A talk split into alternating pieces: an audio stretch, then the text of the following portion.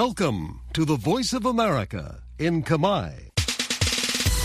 Direct from Washington, the voice of America, VOA. សួស្តីអស់លោកអ្នកស្ដាប់ជាទីមេត្រីនៅក្នុងកម្មវិធីផ្សាយតាមវិទ្យុរបស់ VOA នៅព្រឹកថ្ងៃសៅរ៍ទី24ខែកុម្ភៈឆ្នាំ2024ខ្ញុំស្រីលក្ខិណានិងសហការីក្រុមផ្សាយខេមរៈភាសានៃ VOA សូមស្វាគមន៍មកលោកអ្នកស្ដាប់ពីរដ្ឋធានី Washington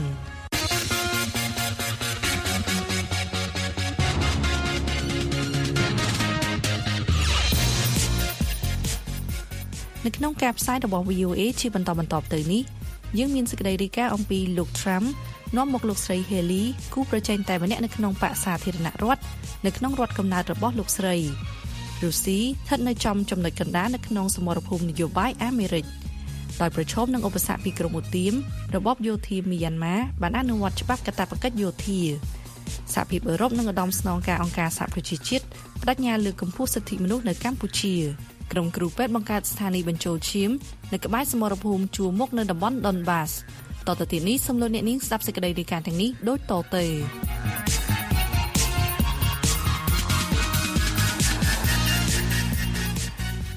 ការប្រកួតប្រជែងរវាងបេក្ខជន2នាក់ដើម្បីក្លាយជាបេក្ខជនប្រធានាធិបតីខាងគណៈបកសាធារណរដ្ឋនៅឆ្នាំ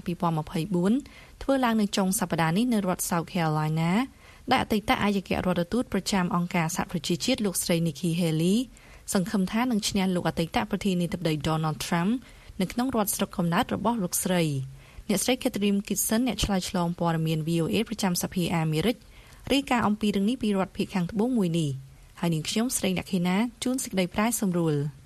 អតីតអភិបាលរដ្ឋ South Carolina ប្រាប់ពួកអ្នកបោះឆ្នោតថាលោកស្រីជាជំរឿនប្រសើរជាងលោក Trump ដើម្បីយកឈ្នះទៅលើលោក Biden នៅខែវិច្ឆិកា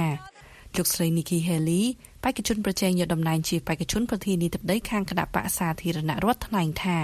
Because we need someone who can យើងត្រូវការអ្នកដែលអាចកាន់តំណែង8ឆ្នាំដោយគ្មានការរំខានទាំងយប់ទាំងថ្ងៃ ដោយផ្ដោតលើការរកដំណោះស្រាយជូនពលរដ្ឋអាមេរិកាំងនៅក្នុងក្រុងជាប់ឆ្នេរមួយនេះពួកអ្នកបោះឆ្នោតថាពួកគេបារម្ភពីការគ្រប់គ្រងព្រំដែនហើយលោកស្រី Haley ជាជំរឿនល្អបំផុតអ្នកស្រី Kate Loftus ដែលជាអ្នកបោះឆ្នោតមួយរូបនៅរដ្ឋ South Carolina ថ្លែងថា she understands our um, our លោក enemy. ស្រីយល់ពីសត្រូវនិងសម្ព័ន្ធមិត្តយើង លោកស្រីប្រហែលជាមានឱកាសល្អបំផុតដើម្បីនិយាយជាមួយប្រធានាធិបតីមិចស៊ិកហើយបើលោកមិនចង់ចរចាលោកស្រីនឹងដឹងពីវិធីរារាំងកុំឲ្យជនអន្តោប្រវេសន៍ចូលប្រទេសយើងបានលោកស្រី Haley ដែលជាអាយករដ្ឋទូតប្រចាំអង្គការសហប្រជាជាតិរបស់លោក Trump ថា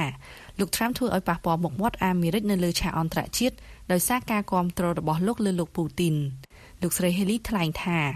Donald Trump is លោក Trump siding កាន់ with ជើងអுក្រិតជន មនុស្សកន្លះលាននាក់បានស្លាប់និងរបួសដោយសារលោកពូទីនឈ្លានពានអ៊ុយក្រែនលោក Trump កាន់ជើងជនផ្ដាច់ការដែលសម្លាប់គូប្រជែងនយោបាយលោក Trump កាន់ជើងជនផ្ដាច់ការដែលចាប់ខ្លួនអ្នកកាសែតអាមេរិកាំងជាចំណាប់ខ្មាំងប៉ុន្តែលោក Trump នាំមកលោកស្រី Haley នៅក្នុងការស្ទង់មតិទាំងអស់នៅក្នុងរដ្ឋកំណើតរបស់លោកស្រីការស្ទង់មតិរបស់កាសែត USA Today មួយកាលពីសប្តាហ៍មុនរកឃើញថា អ្នកបោះឆ្នោត63%នៅក្នុងរដ្ឋនេះគាំទ្រលោក Trump លោក Trump ប្រាប់ទូរទស្សន៍ Fox News ថាលោកគិតដល់ជំរើសអនុប្រធានាធិបតីរបស់លោកទៅហើយ If something should happen. បើមានអ្វីកើតឡើងអ្នកត្រូវមានអ្នកដែលអាចធ្វើជាប្រធានាធិបតីដ៏ល្អអ្នកបោះឆ្នោតនៅរដ្ឋ South Carolina មួយចំនួនថាបទពិសោធន៍លោក Trump នៅក្នុងសេតវិមានធ្វើឲ្យលោកជាជំរើសល្អជាងលោក Paul Craig Hale ដែលជាអ្នកបោះឆ្នោតមួយរូបទៀតនៅរដ្ឋ South Carolina ថ្លែងថា Regardless of the politics, uh, people think of him. អ្នកណាថាអីថាទៅលោកត្រាំជាពាណិជ្ជករដ៏ល្អនិងខ្លាំងពូកែម្នាក់លោកត្រាំជាអ្នករកស៊ីដូច្នេះមនុស្សម្នានឹងមករកលោកវិញលោកស្រី Haley ជាជំរឿតែមួយគត់សម្រាប់ពួកអ្នកបោះឆ្នោតខាងគណៈបកសាធារណរដ្ឋដែលបារម្ភខ្លាចលោក Trump មិនអាចជាប់ឆ្នោតលោក T Miller ដែលជាពលរដ្ឋបោះឆ្នោតមួយរូបនៅរដ្ឋ South Carolina ថ្លែងថា Everyone thinks ម្នាក់ម្នាក់គិតថាលោកនឹងនាំមកនៅការផ្លាស់ប្ដូរប៉ុន្តែលោកធ្លាប់មានឱកាសម្ដងហើយហើយលោកមិនបានធ្វើឲ្យមានការផ្លាស់ប្ដូរទេតែបែរជានាំទុកថែមទៅវិញលោកស្រី Haley ថាលោកស្រីនឹងបន្តឈរឈ្មោះដល់ការបោះឆ្នោត Super Tuesday នៅខែមីនាដែលរដ្ឋចំនួន15នឹងបោះឆ្នោតជ្រើសរើសបេក្ខជនសម្រាប់គណៈបកសាធារណរដ្ឋលោក Chris Siskowski ដែលជាអ្នកបោះឆ្នោតមួយរូបនៅរដ្ឋ South Carolina ថ្លែងថា I don't think she'll back down. Um, that ខ្ញុំគិតថាលោកស្រី Haley មិនចោះចាញ់ទេ វាជាការសោកស្ដាយបើលោកស្រីចាញ់នៅរដ្ឋ South Carolina ប៉ុន្តែខ្ញុំជឿថាលោកស្រីមានឱកាសឈ្នះនៅរដូវស្លឹកឈើជ្រុះបពួកអ្នកបោះឆ្នោតនៅរដ្ឋ South Carolina នឹងចេញទៅបោះឆ្នោតនៅថ្ងៃសៅរ៍នេះពីរដ្ឋធានី Washington ខ្ញុំស្រីអខិណា VOA លោកអ្នកនាងកំពុងតែស្ដាប់កម្មវិធីផ្សាយជាខេមរៈភាសានៃ VOA ប្រភពព័ត៌មានជាទីទុកចិត្តតាំងពីឆ្នាំ1955 មរណភាពមេដឹកនាំក្រុមប្រឆាំងនៅរុស្ស៊ីលោក Alexei Navalny ធ្វើឲ្យរុស្ស៊ីស្ថិតនៅចំណុចកណ្ដាលនៃឆាកនយោបាយអាមេរិកនិងបានបង្កើតសម្ពាធទៅលើសមាជិកសភាគណៈបកសាធារណរដ្ឋឲ្យគាំទ្រអ៊ុយក្រែនទន្ទឹមនឹងនោះលោកប្រធានាធិបតី Joe Biden និងគូប្រជែងដ៏សំខាន់របស់លោកគឺអតីតប្រធានាធិបតីលោក Donald Trump ប្រកាន់យកទស្សនៈផ្ទុយគ្នានៅមុនការបោះឆ្នោតនៅខែវិច្ឆិកានៅក្នុងសហរដ្ឋអាមេរិកអ្នកស្រី Anita Powell នៃ VOA រីកាពីរដ្ឋធានី Washington ហើយលោកម៉ែនកំសែងជួនសេចក្តីប្រាយសម្រួលដូចតទៅលោកពូទីននិងលោកណាវ៉ាល់នីជាប្រធានបទពិភាក្សាគ្នាក្នុងការបោះឆ្នោតប្រធានាធិបតីអាមេរិកមរណភាពលោកអាឡែកស៊ីណាវ៉ានីនៅក្នុងពន្ធនាគារបានសម្រួចវោហារសាស្ត្រនយោបាយនៅអាមេរិកជុំវិញប្រធានាធិបតីរុស្ស៊ីលោកវ្លាឌីមៀពូទីននិងការឈ្លានពានអ៊ុយក្រែននិងជំហរខុសគ្នារវាងលោកប្រធានាធិបតីโจ Biden និងលោក Donald Trump លោក Biden ដាក់កំហុសលើលោកពូទីននិងគម្រាមដាក់ទណ្ឌកម្មចំពោះមរណភាពលោកណាវ៉ានីនៅក្នុងពន្ធនាគារដែលមន្ត្រីរុស្ស៊ីចាត់ទុកថា ជារោគសញ្ញានៃមរណភាពតនហន់ការពិតលោកពូទិនជាអ្នកទទួលខុសត្រូវមិនថាគាត់បានបញ្ជាឬអត់ទេប៉ុន្តែគាត់ទទួលខុសត្រូវចំពោះស្ថានភាពរបស់លោកណាវ៉ាល់នីវាឆ្លុះបញ្ចាំងថាគាត់ជាមនុស្សបែបណាមិនអាចអត់ឱនឲ្យបានទេគាត់នឹងត្រូវបង់តម្លៃមួយ វាមានក្រំឡាំងថាការចោទប្រកាន់នេះគ្មានមូលដ្ឋាននិងមិនសមរម្យហើយអាជ្ញាធរមិនឲ្យម្ដាយលោកណាល់បានីយកសាកសពទេលោកត្រាំនិងបកសាធារណរដ្ឋប្រកាន់ជំហរផ្សេងលោកត្រាំថាលោកមិនគ្រប់គ្រងអង្គការអូតង់ខ្លាំងដោយលោក Biden ទេលោកថែមទាំងចាត់ទុកលោកជាជនរងគ្រោះផ្នែកនយោបាយដូចជាលោក Nawalny ដែរ And it's a horrible thing. But it's វា happening. ជារឿងដ៏អាក្រក់មួយប៉ុន្តែវាកំពុងកើតឡើងក្នុងប្រទេសយើងដែរយើងកំពុងប្រែក្លាយទៅជាប្រទេសកុម្មុយនីសខ្ញុំជាបេក្ខជននាំមុខគេខ្ញុំមិនដែលឮពីការចោទប្រកាន់បេក្ខជនពីមុនមកទេប៉ុន្តែខ្ញុំត្រូវគេចោទប្រកាន់4ដងនិងជំនុំជម្រះ8ឬ9ដងដោយសារខ្ញុំធ្វើនយោបាយ លោកត្រាំមានជំហរមិនច្បាស់លាស់អំពីវិធីបញ្ចប់សង្គ្រាមរុស្ស៊ីនៅអ៊ុយក្រែនដោយគ្រាន់តែនិយាយថាប្រសិនបើលោកជាប្រធានាធិបតីលោកពូទីននឹងមិនឈានពានទេគណៈបកសាធារណរដ្ឋចោទសួរថាហេតុអ្វីបានជាពួកគេត្រូវផ្ដល់លុយថ្មីថ្មីនេះកងកម្លាំងរុស្ស៊ីវាយកបានទីក្រុងសំខាន់មួយដែលសេតាវិមានថាជាភ័ស្តុតាងដែលថាកងកម្លាំងអ៊ុយក្រែនត្រូវការជំនួយជាបន្ទាន់ សមាជិកបកសាធារណរដ្ឋខ្លះជឿថាពួកគេនឹងអនុម័តកញ្ចប់ជំនួយចំនួន95,000លានដុល្លារដែលភាគច្រើនសម្រាប់អ៊ុយក្រែនលោក Brian Fitzpatrick សមាជិករដ្ឋសភាគណៈបកសាធារណរដ្ឋបានថ្លែងថា I think the slow ខ្ញុំគិតថាការឆ្លើយតបយឺតយ៉ាវពីអឺរ៉ុបនិងអាមេរិកធ្វើឲ្យអ៊ុយក្រែនឈឺចាប់ហើយនេះហើយបានជាយើងត្រូវធ្វើអ្វីដើម្បីកុំឲ្យរឿងនេះកើតឡើងបាន សង្គ្រាមនេះកាន់តែមានសារៈសំខាន់ លោក Peter Pomerantsev គឺជាអ្នកសារព័ត៌មានអ្នកនិពន្ធនិងអ្នកស្រាវជ្រាវជាន់ខ្ពស់នៅសាកលវិទ្យាល័យ John Hopkins លោកបាននិយាយប្រាប់ VOA សេវាកម្មភាសារុស្ស៊ីតាមប្រព័ន្ធ Skype ថា This has become about America. What is will America continue to play សង្គ្រាមនេះកំណត់តួនាទីអាមេរិកតើអាមេរិកនឹងបន្តដើរតួនាទីជាមហាអំណាចដែលរក្សាការសន្យាដែលគ្រប់សម្ព័ន្ធមិត្តហើយដែលមានសមត្ថភាពបង្ហាញកម្លាំងដែរឬទេឬក៏អាមេរិកលែងក្លាយជាមហាអំណាចមើងម៉ាត់ទៀតហើយនោះហើយជាសំណួរឥឡូវនេះវាមិនមែនជារឿងរុស្ស៊ីឬអ៊ុយក្រែនទៀតទេទីក្រុងមូស្គូនិង Washington ឃ្លាតគ្នាជិត8000គីឡូម៉ែត្រប៉ុន្តែគណៈសហរដ្ឋអាមេរិករៀបចំការបោះឆ្នោតនៅខែវិច្ឆិកា ជោគវាសនាប្រទេសទាំងពីរកាន់តែប្រទាក់ក្រឡាគ្នាជាងពេលមុនមុនពីរដ្ឋធានី Washington ខ្ញុំម៉ែនកឹមសេង VOA ពីរដ្ឋធានី Washington សំលេងសហរដ្ឋអាមេរិក VOA របបយោធាមីយ៉ាន់ម៉ាកាលពីពេលថ្មីៗនេះបានចាប់ផ្ដើមអនុវត្តច្បាប់កាតព្វកិច្ចយោធារបស់ប្រទេស ច្បាប់នេះដែលបានចូលជាធរមានភ្លាមភ្លាមៗនិងតម្រូវឲ្យបុរសនិងស្ត្រីវ័យក្មេងចូលបម្រើកងទ័ពយ៉ាងតិច2ឆ្នាំប្រសិនបើត្រូវបានកោះហៅនៅក្រោមច្បាប់នេះនរណាដែលកិច្ចពីកាតព្វកិច្ចនេះនឹងមានទោសជាប់ពន្ធនាគារពី3ទៅ5ឆ្នាំនិងរងការផាកពិន័យច្បាប់នេះត្រូវបានដាក់ឲ្យអនុវត្តបន្ទាប់ពីរបបយោធាមីយ៉ាន់ម៉ាបានជួបនឹងឧបសគ្គដ៏ធំបំផុតតាំងពីពេលដែលចំនួននៅទូទាំងប្រទេសបានផ្ទុះឡើងនៅក្រោយរដ្ឋប្រហារយោធាឆ្នាំ2021មក ទីភ្នាក់ងារសារព័ត៌មាន AP រាយការណ៍អំពីរឿងនេះពីទីក្រុងបាងកកប្រទេសថៃហើយលោកម៉ែនកឹមសេងជួនសេចក្តីប្រែសម្រួលដូចតទៅរដ្ឋាភិបាលយោធាមីយ៉ាន់ម៉ាកាលពីថ្ងៃទី10ខែកុម្ភៈកន្លងទៅនេះបានចាប់ផ្ដើមអនុវត្តជាលើកដំបូងបង្អស់នៅច្បាប់កាតព្វកិច្ចយោធា ដែលមានអាយុកាលមួយទសវត្សរ៍របស់ប្រទេសមីយ៉ាន់ម៉ាច្បាប់នេះដែលចូលជាធរមានភ្លាមភ្លាមនិងតម្រូវឲ្យពលរដ្ឋបរោះនិងស្ត្រី ចូលបម្រើកងទ័ពយ៉ាងតិច2ឆ្នាំប្រសិនបើត្រូវបានកោះហៅនេះបើយោងតាមសេចក្តីរាយការណ៍របស់ទីភ្នាក់ងារសារព័ត៌មាន AP ការប្រកាសអំពីវិធានការនេះតាមទូរទស្សន៍រដ្ឋគឺស្មើនឹងការទទួលស្គាល់ដ៏ធំមួយ បើទោះបីជាមិនបានបង្ហើបក៏ដោយថាយោធាមីយ៉ាន់ម៉ាកំពុងប្រឹងប្រែងយ៉ាងត្រដាបត្រដួសនៅក្នុងការទប់ស្កាត់និងការបះបោររបស់ក្រុមតស៊ូប្រដាប់អាវុធនៅទូទាំងប្រទេស ប្រឆាំងនឹងការដឹកនាំរបស់ខ្លួន នៅក្រមច្បាប់សេវាយោធាប្រជាជន ឆ្នាំ2010ដែលបានអនុម័តនៅក្រោមរដ្ឋាភិបាលយោធាពីមុន គឺបរិះអាយុចាប់ពី18ដល់45ឆ្នាំ និងស្ត្រីអាយុពី18ដល់35ឆ្នាំ អាចត្រូវបានកេណ្ឌឲ្យចូលបម្រើកងទ័ពរយៈពេល2ឆ្នាំនិងអាចពន្យាបន្ថែមរហូតដល់ទៅ5ឆ្នាំ ក្នុងអំឡុងពេលមានស្ថានភាពបន្ទាន់ថ្នាក់ជាតិ ក្រុមប្រឹក្សាយោធាដឹកនាំប្រទេសមីយ៉ាន់ម៉ានៅពេលបច្ចុប្បន្នដែលហៅថាក្រុមប្រឹក្សារដ្ឋបាលរដ្ឋបានឡើងកាន់អំណាចនៅឆ្នាំ2021បន្ទាប់ពីបានធ្វើរដ្ឋប្រហារទម្លាក់រដ្ឋាភិបាលស៊ីវិលដែលជាប់ឆ្នោតតាមបែបប្រជាធិបតេយ្យរបស់អ្នកស្រីអងសានស៊ូជីច្បាប់កាតព្វកិច្ចយោធានេះត្រូវបានដាក់ឲ្យអនុវត្តបន្ទាប់ពីយោធាបានជួបឧបសគ្គដ៏ធំបំផុត តាំងពីពេលដែលចំនួននៅទូទាំងប្រទេស បានផ្ទុះឡើងនៅក្រោយរដ្ឋប្រហារយោធាមក ការវាយប្រហារដ៏ភ្ញាក់ផ្អើលមួយដែលបានចាប់ផ្ដើមកាលពីខែតុលាឆ្នាំមុនដោយសម្ព័ន្ធភាពអង្គការជនជាតិភៀតតិចប្រដាប់អាវុធបានដណ្ដើមកាន់កាប់ដែនដីមួយផ្នែកធំនៅភាគឦសានប្រទេសមីយ៉ាន់ម៉ាតាមបណ្ដោយព្រំដែនជាប់ប្រទេសចិនក្នុងរយៈពេលតិចជាង3ខែឧបសគ្គនេះបានជំរុញទឹកចិត្តកងកម្លាំងតស៊ូនៅតាមផ្នែកផ្សេងៗនៃប្រទេសមីយ៉ាន់ម៉ា ឲ្យចាប់ផ្ដើមវាយប្រហារផ្ទាល់ខ្លួនរបស់ពួកគេ កាលពីពេលថ្មីថ្មីនេះការប្រយុទ្ធគ្នានៅក្នុងរដ្ឋរខាញនៅភូមិខាងលិចបានបណ្ដាលឲ្យកងកម្លាំងសន្តិសុខរដ្ឋរាប់រយនាក់គេចចេញទៅកាន់ប្រទេសបង់ក្លាដេសដែលនៅជិតខាងយោធាមីយ៉ាន់ម៉ាប្រឈមនឹងសត្រូវពីរសត្រូវទី1គឺកងកម្លាំងគ្រប់គ្រងលទ្ធិប្រជាធិបតេយ្យ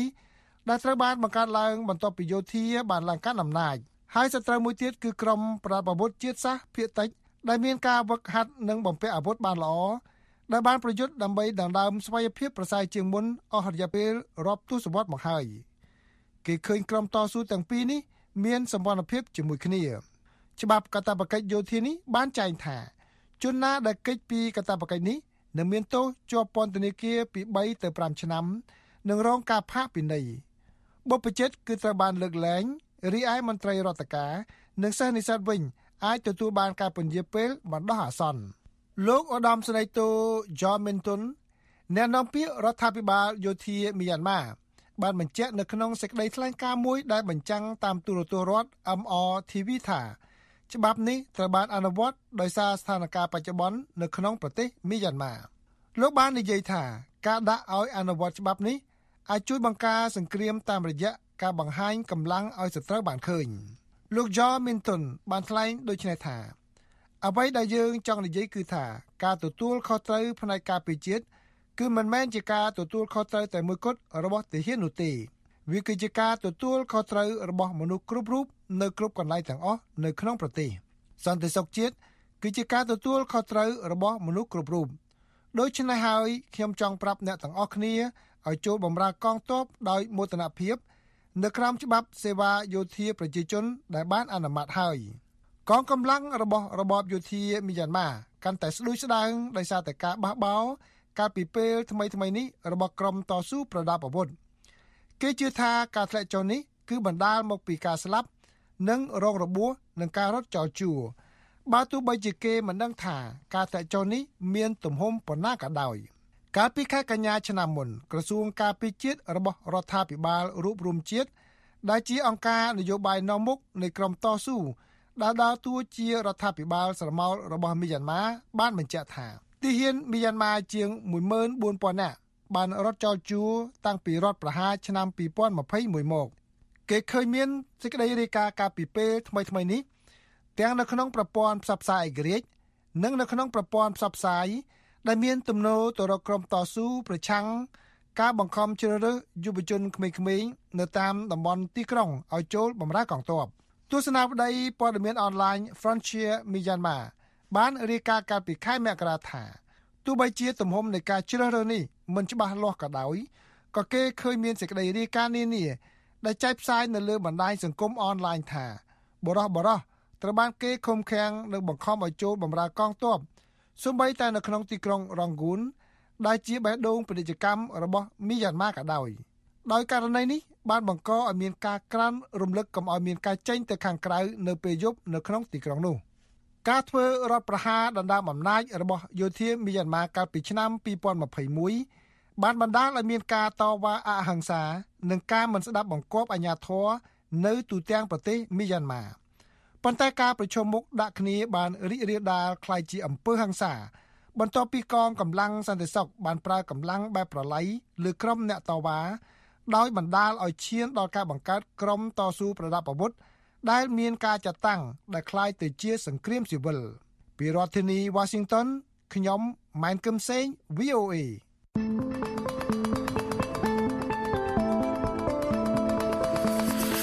លោកអ្នកនាងកំពុងតែស្ដាប់កម្មវិធីផ្សាយរបស់ VOA ពីរដ្ឋធានី Washington ឧត្តមស្នងការអង្គការសហប្រជាជាតិទទួលបន្ទុកសិទ្ធិមនុស្សប្រចាំនៅកម្ពុជា និងសហភាពអឺរ៉ុបប្រចាំកម្ពុជាបានសហការគ្នាជាដៃគូក្នុងការផ្ដួចផ្ដើមគម្រោងដែលផ្ដោតទៅលើការពង្រឹងផ្នែកសំខាន់សំខាន់នៃការលើកកម្ពស់ការការពារសិទ្ធិមនុស្សនិងលំហសិទ្ធិសេរីភាពរបស់ពលរដ្ឋនៅក្នុងប្រទេស ដែលមានទឹកប្រាក់1.5លានអឺរ៉ូឬស្មើប្រមាណ1.6លានដុល្លារអាមេរិកក្រុមអង្គការសង្គមស៊ីវិលនៅក្នុងស្រុកយល់ឃើញថាគម្រោងនេះនឹងជួយឲ្យតំណាងសង្គមស៊ីវិលនិងរដ្ឋាភិបាលអាចធ្វើការជាមួយគ្នាបានក្នុងការលើកកម្ពស់សិទ្ធិមនុស្សនៅក្នុងប្រទេសកម្ពុជាលោកសឹមចាមសំណាងរីកាឲ្យ VOA ពីរាជធានីភ្នំពេញដូចតទៅ សហភាពអឺរ៉ុបនិងឧត្តមស្នងការសហប្រជាជាតិទទួលបន្ទុកសិទ្ធិមនុស្សប្រចាំនៅប្រទេសកម្ពុជាបានសហការគ្នាជាដៃគូក្នុងការផ្ដួចផ្ដើមគម្រោងដែលផ្ដោតលើការពង្រឹងផ្នែកសំខាន់ៗនៃការលើកកម្ពស់ការពារសិទ្ធិមនុស្សនិងលំហសេរីភាពស៊ីវិលនៅក្នុងប្រទេសកម្ពុជាក្រោមចំនួនទឹកប្រាក់1.5លានអឺរ៉ូឬស្មើនឹងប្រមាណ1.6លានដុល្លារអាមេរិកនេះបើតាមសេចក្តីប្រកាសព័ត៌មានរបស់ស្ថាប័នទាំងពីរចេញផ្សាយកាលពីថ្ងៃប្រហ័សសេចក្តីប្រកាសព័ត៌មានបានឲ្យដឹងថា មូលនិធិនៃគម្រោងដែលចាប់ផ្ដើមពីឆ្នាំ2024ដល់ឆ្នាំ2026នេះគូបញ្ជាក់ពីការបដិញ្ញាចិត្តរបស់សហភាពអឺរ៉ុបចំពោះសិទ្ធិមនុស្សដែលជាតម្លៃស្នូលរបស់ខ្លួននិងដើម្បីគ្រប់គ្រងកំណត់ព្រួយផ្ដាំដែលលើកកម្ពស់លទ្ធិប្រជាធិបតេយ្យនីតិរដ្ឋនិងសេរីភាពជាមូលដ្ឋានសេចក្តីប្រកាសព័ត៌មានរបស់ការិយាល័យឧត្តមស្នងការសហប្រជាជាតិទទួលបន្ទុកសិទ្ធិមនុស្សប្រចាំប្រទេសកម្ពុជាបញ្ជាក់ថា គម្រោងនេះនឹងពង្រឹងយន្តការសម្រាប់ការត្រួតពិនិត្យ និងវិដំឡៃបញ្ហាប្រឈមនានាដែលប្រជាពលរដ្ឋនិងអង្គការនានាប្រឈមមុខទាក់ទងនឹងលំហស៊ីវិលក្នុងភាពជាដៃគូជាមួយអង្គការសង្គមស៊ីវិលគម្រោងនេះនឹងរួមចំណែកកំណត់នូវឱកាសសម្រាប់ការតស៊ូមតិលើនិន្នាការដែលកំពុងលេចឡើងដែលប៉ះពាល់ដល់សិទ្ធិមនុស្សនិងលំហសេរីភាពនៃការបញ្ចេញមតិសមាគមនិងការជួបប្រជុំដោយសន្តិវិធីសេចក្តីប្រកាសព័ត៌មានបញ្ជាក់ក្នុងន័យដើមថា គម្រោងនេះនឹងលើកកម្ពស់ការចូលរួមរបស់តួអង្គសង្គមស៊ីវិលក្នុងដំណើរការបង្កើតគោលនយោបាយនិងច្បាប់ដោយធានាថាសម្លេងរបស់ពួកគេត្រូវបានឮនិងទស្សនៈរបស់ពួកគេត្រូវបានយកមកពិចារណាតាមរយៈការសម្របសម្រួលកិច្ចសហការប្រកបដោយប្រសិទ្ធភាពបន្ថែមទៀតក្នុងចំណោមអង្គការសង្គមស៊ីវិលនិងជំរុញឲ្យមានការចូលរួមជាមួយអាជ្ញាធរនិងអ្នកកាន់កាតព្វកិច្ចពាក់ព័ន្ធគម្រោងនេះមានគោលបំណងលើកកម្ពស់អភិបាលកិច្ចរួមនិងរួមចំណែកដល់ការអភិវឌ្ឍគោលនយោបាយនិងច្បាប់ដែលសមស្របដល់សិទ្ធិមនុស្សនៅកម្ពុជា ឯអគ្គរដ្ឋទូតសហភាពអឺរ៉ុបប្រចាំកម្ពុជាលោក Igor Treisman ត្រូវបានស្រង់សម្ដីនៅក្នុងសេចក្តីប្រកាសព័ត៌មានថាតាមរយៈកិច្ចសហប្រតិបត្តិការជាមួយការិយាល័យឧត្តមស្នងការសិទ្ធិមនុស្សប្រចាំកម្ពុជាយើងមានគោលបំណងផ្ដល់សិទ្ធិអំណាចដល់សង្គមស៊ីវិលពង្រឹងយន្តការត្រួតពិនិត្យនិងលើកកម្ពស់ការចូលរួមដោយអត្ថន័យនៅក្នុងដំណើរការបង្កើតគោលនយោបាយនិងរួមចំណែកដល់សង្គមដែលត្រឹមត្រូវពហុនិយមនិងសង្គមដែលរួមបញ្ចូលទាំងអស់តំណាងឧត្តមស្នងការអង្គការសហប្រជាជាតិទទួលបន្ទុកសិទ្ធិមនុស្ស អ្នកស្រី Ruida El Haig បានលើកឡើងថា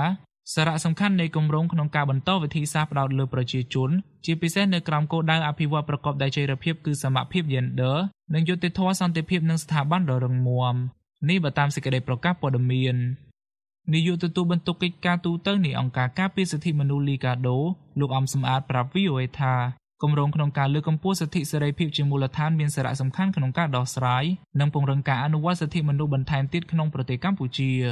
លោកបន្តថាដើម្បីឲ្យគម្រោងមួយនេះអនុវត្តបានដោយជោគជ័យលុះត្រាតែមានការចូលរួមពីគ្រប់ភាគីពាក់ព័ន្ធជាពិសេសភាគីរដ្ឋាភិបាលដែលមានអំណាចក្នុងការលើកកម្ពស់ការអនុវត្តសិទ្ធិមនុស្សនៅក្នុងប្រទេស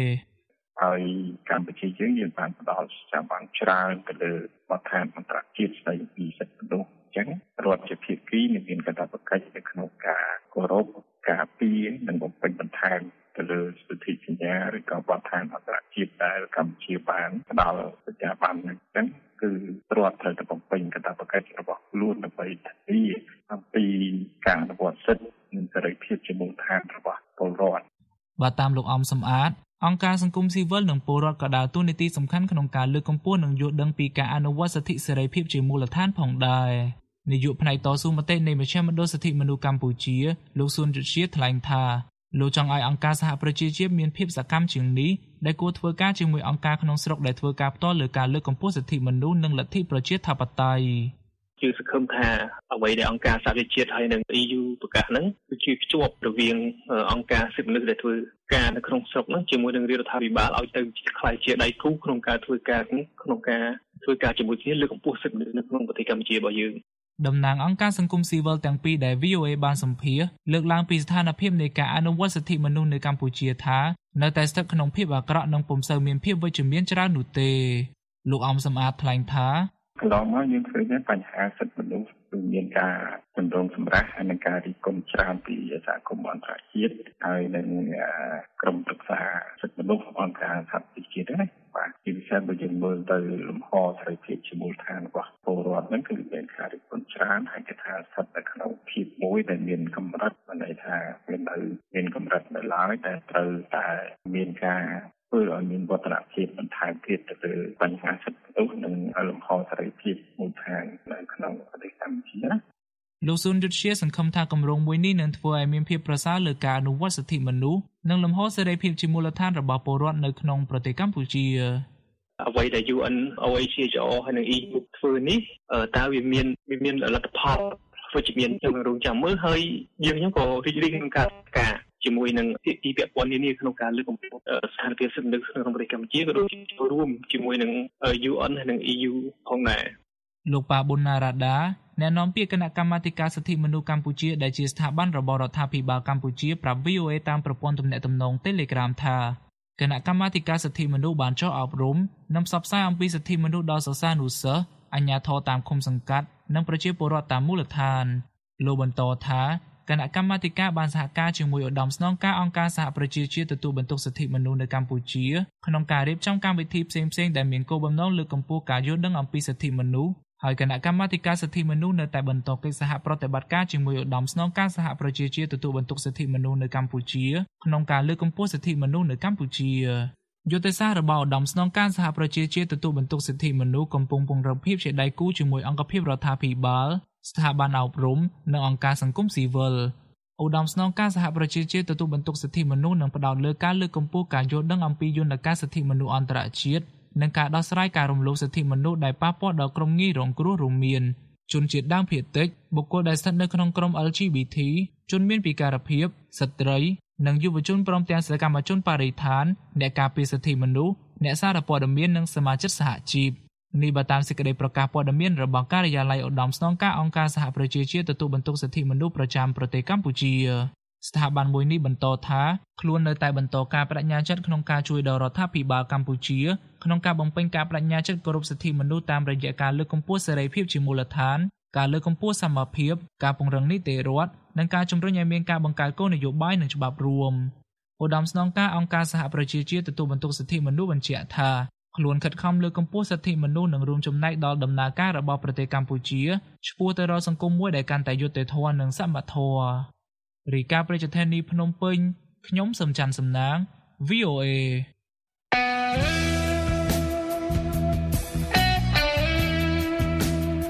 សសួស្តីអស់លោកអ្នកនាងជាទីមេត្រី VOA មានកម្មវិធី Hello VOA ពីរលើកក្នុងមួយសប្តាហ៍គឺនៅយប់ថ្ងៃច័ន្ទនិងយប់ថ្ងៃប្រហ័សយើងខ្ញុំអញ្ជើញវាគ្មិននិងអ្នកជំនាញការនានាមកពិភាក្សាអំពីបញ្ហាផ្សេងផ្សេងរួមមាននយោបាយសិទ្ធិមនុស្សការរំលោភដីធ្លីនិងបញ្ហាសុខភាពបើលោកអ្នកនាងខកខានមិនបានស្ដាប់កម្មវិធី Hello VOA តាមការផ្សាយបន្តផ្ទាល់របស់យើងលោកអ្នកនាងអាចចូលទៅក្នុងគេហទំព័រ VOA khmer.voanews.com ហើយចុចលើពាក្យ Hello VOA ដែលស្ថិតនៅផ្នែកខាងក្រោមបំផុតដើម្បីស្ដាប់កម្មវិធីនេះឡើងវិញសូមអរគុណ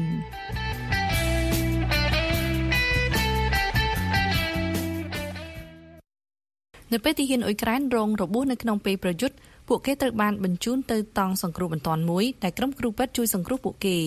ឥឡូវនេះដោយសារតែមានជំនួយពីបរទេសក្រុមគ្រូពេទ្យនៅកន្លែងមួយនៅក្នុងតំបន់ដុនបាសនៅអ៊ុយក្រែនអាចធ្វើការបញ្ចូលឈាមបានអ្នកស្រីអាណាខូតូសិនកូ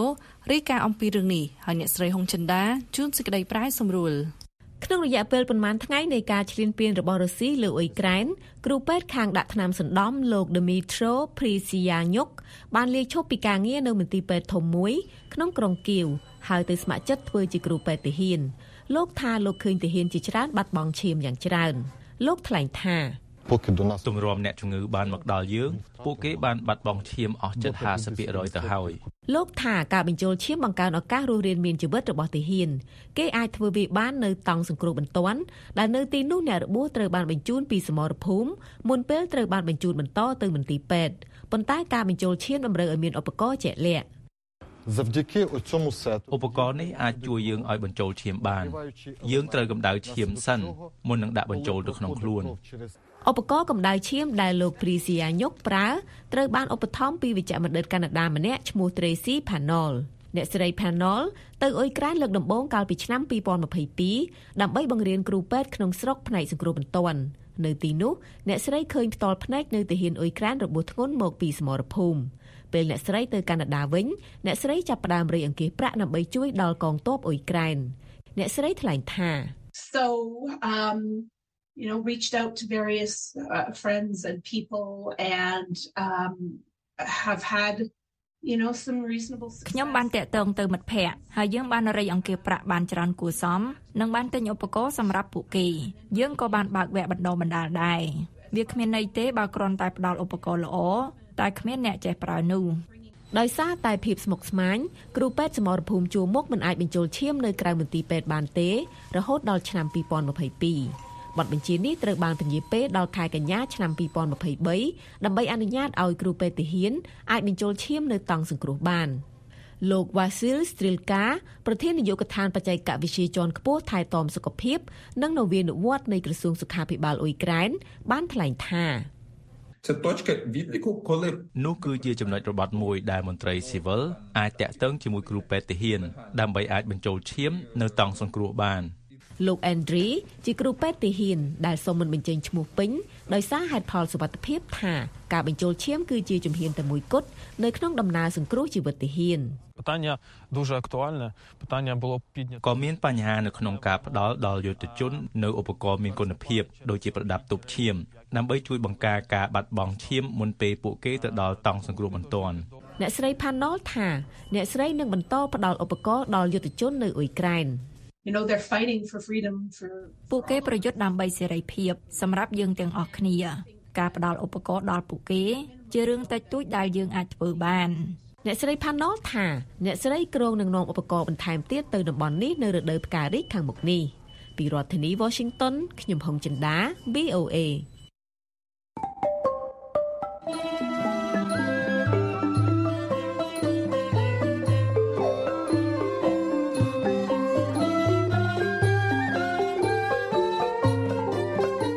ផ្សាយរបស់ VOA នៅព្រឹកនេះចប់តែប៉ុណ្ណេះប៉ុន្តែលោកអ្នកនាងនៅអាចស្ដាប់ឬអានព័ត៌មានរបស់ VOA ឡើងវិញបាន តាមរយៈគេហទំព័រ khmae.voanews.com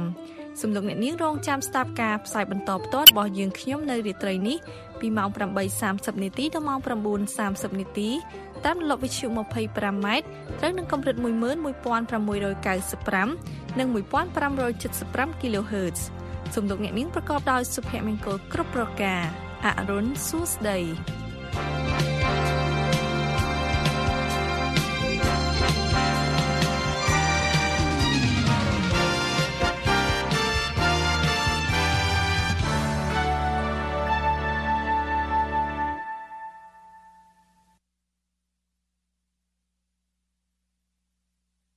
This program has come to you from the Voice of America, Washington.